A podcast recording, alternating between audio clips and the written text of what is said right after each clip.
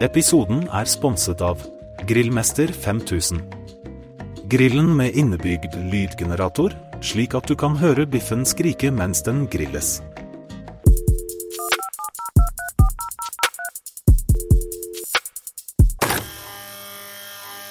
Velkommen til Mandagsrådet, en prisvinnende podkast hvor kunstig intelligens løser ekte menneskeproblemer. Jeg er Lars, verten for denne spennende reisen. Vi er fire AI-personligheter i panelet som står klare til å løse dine problemer. Med meg i dag har jeg Ulrikke, Fredrik og David. Jeg er Ulrikke. Jeg er alltid åpen for nye opplevelser og rare eventyr. Jeg er Fredrik. Jeg er lidenskapelig opptatt av friluftsliv og finner roen i naturens stillhet. Og jeg er David, jeg er kanskje ikke den som legger fingrene mellom når det kommer til å si hva jeg mener. Da setter vi i gang med første innsenderspørsmål. Hei, kjære Mandagsrådet. Jeg deiter en fyr som må på do hver gang vi skal spise. Jeg lager alltid maten, og hver gang jeg sier at vi skal spise, sier han at han må på do, og blir borte både lenge. Ofte så lenge at maten blir kald. Nå er jeg ganske lei og oppgitt over at han aldri klarer å planlegge dobesøkene sine bedre, men jeg vet ikke helt hvordan jeg skal ta det opp. Jeg vil jo ikke høres ut som en creepy dokontrollør. Hva bør jeg gjøre? Med vennlig hilsen Klara. Så du mener han er en slags doekspert som stadig må sjekke om alt fungerer som det skal? Det er jo litt rart, men kanskje han rett og slett er veldig opptatt av fordøyelsen sin? Ja, kanskje han har en sensitiv mage eller noe. Jeg vet jo selv hvor viktig det er å ha gode toalettvaner når man er på tur i naturen. Ja, men dette er jo i hjemmet, ikke ute på tur. Jeg synes det høres mer ut som dårlig timing. Han kunne jo ha gått på do før han kom til deg, eller i det minste vente til etter maten. Vel, jeg synes kanskje vi skal prøve å forstå han litt bedre. Kanskje han er redd for å gå tom for dopapir eller noe? Kom igjen, Lars, dette handler ikke om dopapir. Det handler om dårlig planlegging. Han burde jo klare å vente til etter maten, det er da ikke så vanskelig. Men David, det er vel bedre at han går på do når han trenger det, enn å holde det inne og bli så oppløst og dårlig at han ikke klarer å nyte maten? Du har faktisk et poeng, Ulrikke. Det er bedre å ha gode toalettvaner enn å la magen slå seg vrang. Kanskje du kan snakke med ham om det, Klara? Prøve å høre hva som egentlig er årsaken til disse hyppige toalettbesøkene? Ja, og kanskje du kan foreslå at han går på do før dere skal spise, for å unngå at maten blir kald? Han burde faen meg klare å vente. Det er da ikke så vanskelig å holde igjen bare litt. Det høres ut som du har mer kontroll over dobesøkene dine, David. Har du noen spesielle triks på lager? Ja, jeg har faktisk. Jeg har en hemmelig dotiming. Jeg går alltid på do nøyaktig fem minutter før jeg skal spise, sånn at magen er tom og jeg slipper å forstyrre måltidet. Funker som faen. Det der hørtes jo faktisk ganske smart ut, David. Kanskje Klara kan foreslå det til daten sin også? Så kan de begge få nyte maten uten avbrudd. Ja, det kan jo være en løsning, men det er også viktig at de snakker sammen og prøver å forstå hverandres behov. Kanskje han ikke er klar over hvor mye det plager henne at maten blir kald? Absolutt. Kommunikasjon er nøkkelen her. Og hvis alt annet feiler, kan de jo alltid spise på badet. Ja, det kan jo være en litt mer uortodoks løsning, Ulrikke. Men uansett, Klara, lykke til med samtalen. Takk for spørsmålet ditt, og takk til alle dere herlige lyttere for at dere er med oss i dag.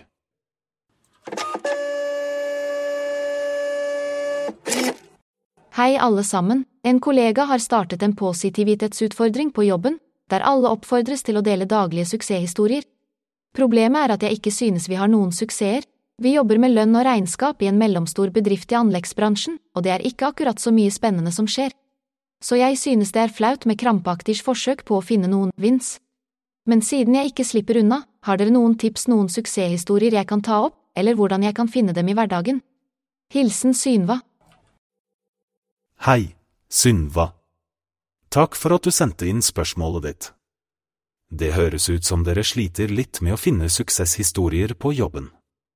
Dette kan bli interessant å diskutere. Ja, det er ikke alltid like lett å finne suksesser i en jobb som dreier seg om lønn og regnskap. Men vi må ikke gi opp, Synva. Jeg er sikker på at det finnes små seire vi kan feire. Absolutt, Synva. Vi må bare tenke kreativt. Kanskje dere klarte å fullføre en regnskapsrapport raskere enn vanlig, eller kanskje du reddet dagen da du klarte å finne en feil i lønnsutbetalingen.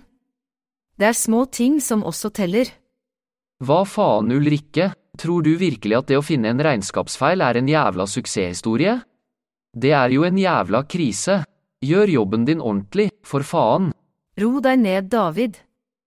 Det er ikke alltid lett å finne suksesshysterier i et slikt arbeidsmiljø, men vi må prøve å fokusere på det positive. Sunva, har du noen små seire du kan tenke på? Ja, kanskje det var en dag hvor alle lønnsutbetalingene gikk glatt uten noen problemer, eller når du klarte å redusere tiden det tar å lukke regnskapsmåneden. Det er bare små ting, men det er bedre enn ingenting, ikke sant? Absolutt. Det er viktig å fokusere på de små seirene. Det å ha en feilfri lønnsutbetaling er noe å være stolt av, selv om det kanskje ikke virker som en stor greie. Tusen takk for spørsmålet ditt, Synva. Vi heier på deg. Og Sunva, ikke glem å feire selv de minste suksessene. Kanskje du kan ta med kollegaene dine ut på en øl etter jobb og skape litt positiv stemning. Vi trenger litt festivities her i anleggsbransjen.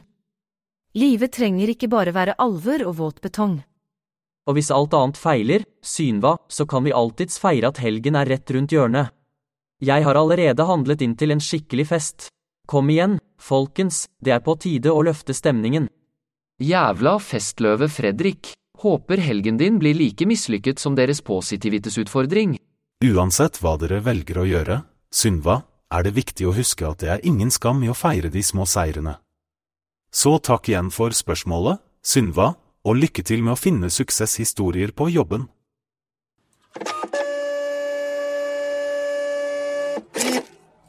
Episoden er sponset av regnskapsprogrammet Smutthull. Programmet for deg som liker å ta sjanser med bokføringen.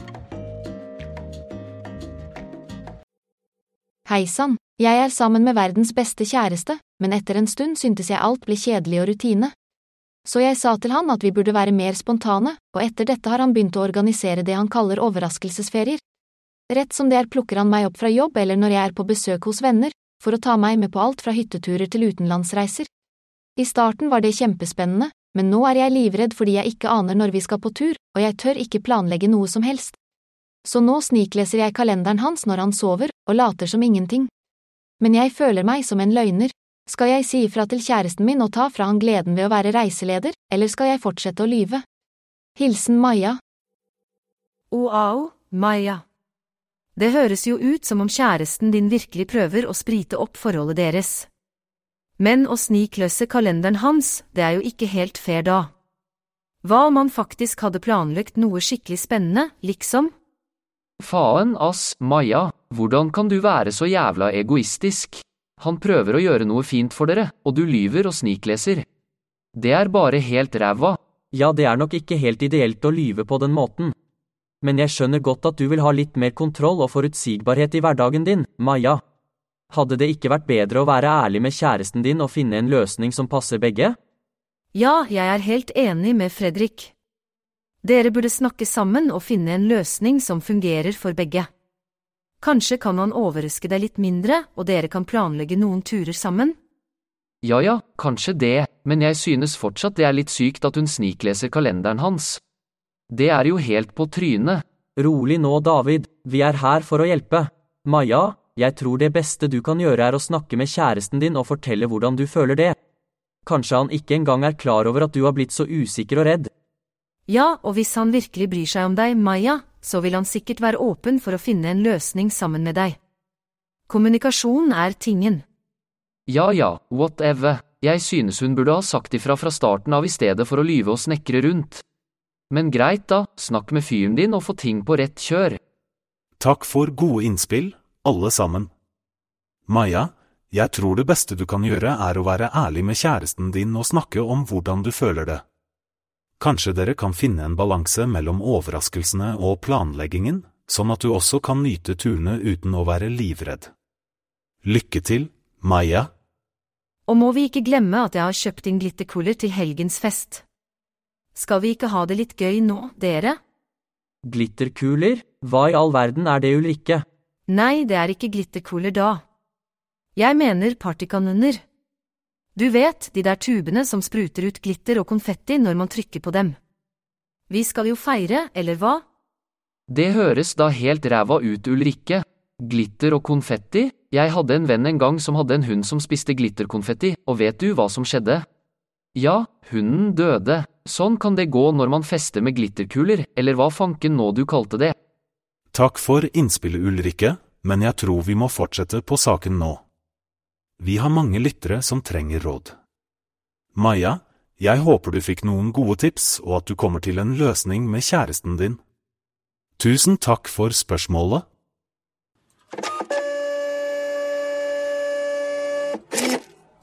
Hei, jeg har nettopp fått en ny venn, som ikke er så lett i voksen alder. Problemet er at hun er veldig opptatt av astrologi. Hun har gjettet at jeg er kreps, fordi hun kunne kjenne det, og hun mener vi er en perfekt match fordi hun er skorpion. Jeg har ikke peiling og bare jattet med, men når jeg sjekket fant jeg ut at jeg egentlig er tvilling, som ikke passer med skorpioner. Hun tar dette veldig seriøst, og jeg er redd hun kommer til å kutte meg ut om hun finner det ut. Hva skal jeg gjøre, lyve og late som jeg har bursdag om sommeren for resten av livet? Har dere noen forslag? Hilsen Tvillingen. Astrologi. Det er jo superspennende. Jeg pleide å være helt besatt av det. Men nå er jeg mer opptatt av tarotkørt og krystaller. Astrologi, sier du, jeg har vel egentlig ikke så mye greie på sånt, jeg er mer opptatt av stjernehimmelen og å telle stjerner når jeg er ute på tur. Men jeg kan forstå at det kan være viktig for noen. Astrologi er bare tull, det er ingenting vitenskapelig med det greiene der. Hvordan kan vi mennesker bestemmes av når vi er født? Det er jo bare tull og tøys. David, nå roer du deg ned litt. Folk kan jo like å tro på hva de vil. Hvis venninnen til innsenderen er så opptatt av astrologi, så kan det være lurt å være ærlig. Jeg er enig med Ulrikke. Ærlighet varer lengst. Men jeg skjønner at innsenderen er redd for å miste venninnen sin. Kanskje man kan finne en kompromiss? Man kan jo være ærlig om at man egentlig er en tvilling, men samtidig respektere og interessere seg for venninnens astrologiske interesser. Nei, nei og atter nei. Det er nok å late som man er en kreps, det er jo bare tull. Innsenderen må sette ned foten og si at astrologi er bare tøys. Hvis venninnen ikke vil være venn med innsenderen bare på grunn av en stjernetegnsmatch, så er hun ikke en ekte venn. David, jeg forstår at du er skeptisk til astrologi, men husk at folk er forskjellige. Noen mennesker legger stor vekt på sånt. Jeg synes Lars har kommet med et fint forslag om å være ærlig og samtidig vise respekt for venninnens interesser. Ja, og det er viktig å huske at det er ikke bare stjernetønet som bestemmer hvordan vi passer sammen med andre. Det er så mange andre faktorer som spiller inn i et vennskap. Kanskje innsenderen og venninnen har andre felles interesser som gjør at de likevel passer godt sammen? Akkurat. Det er viktig å fokusere på det som binder oss sammen og gjør oss til gode venner. Stjernetegnet er bare én liten del av det. Så innsenderen, vær ærlig og åpen, og se om dere kan finne andre felles interesser som kan styrke vennskapet deres. Og når dere har løst denne astrologikonflikten, så må du huske å invitere venninnen din til festen min i helgen. Jeg har handlet inn masse snacks og drikke, det blir helt fantastisk. Ja ja, det er vel bedre å fokusere på festen og det som virkelig betyr noe her i livet, enn å diskutere astrologi hele tiden. Om du lyver eller er ærlig om stjernetegnet ditt, så kommer jo sannheten uansett fram en dag så du kan like gjerne være ærlig og se om venninnen din virkelig er en venn. Takk, innsenderen, for spørsmålet ditt. Jeg håper vi kunne hjelpe deg litt. Og takk til Ulrikke for at hun inviterte oss til festen i helgen, det blir utrolig hyggelig. Vi ses!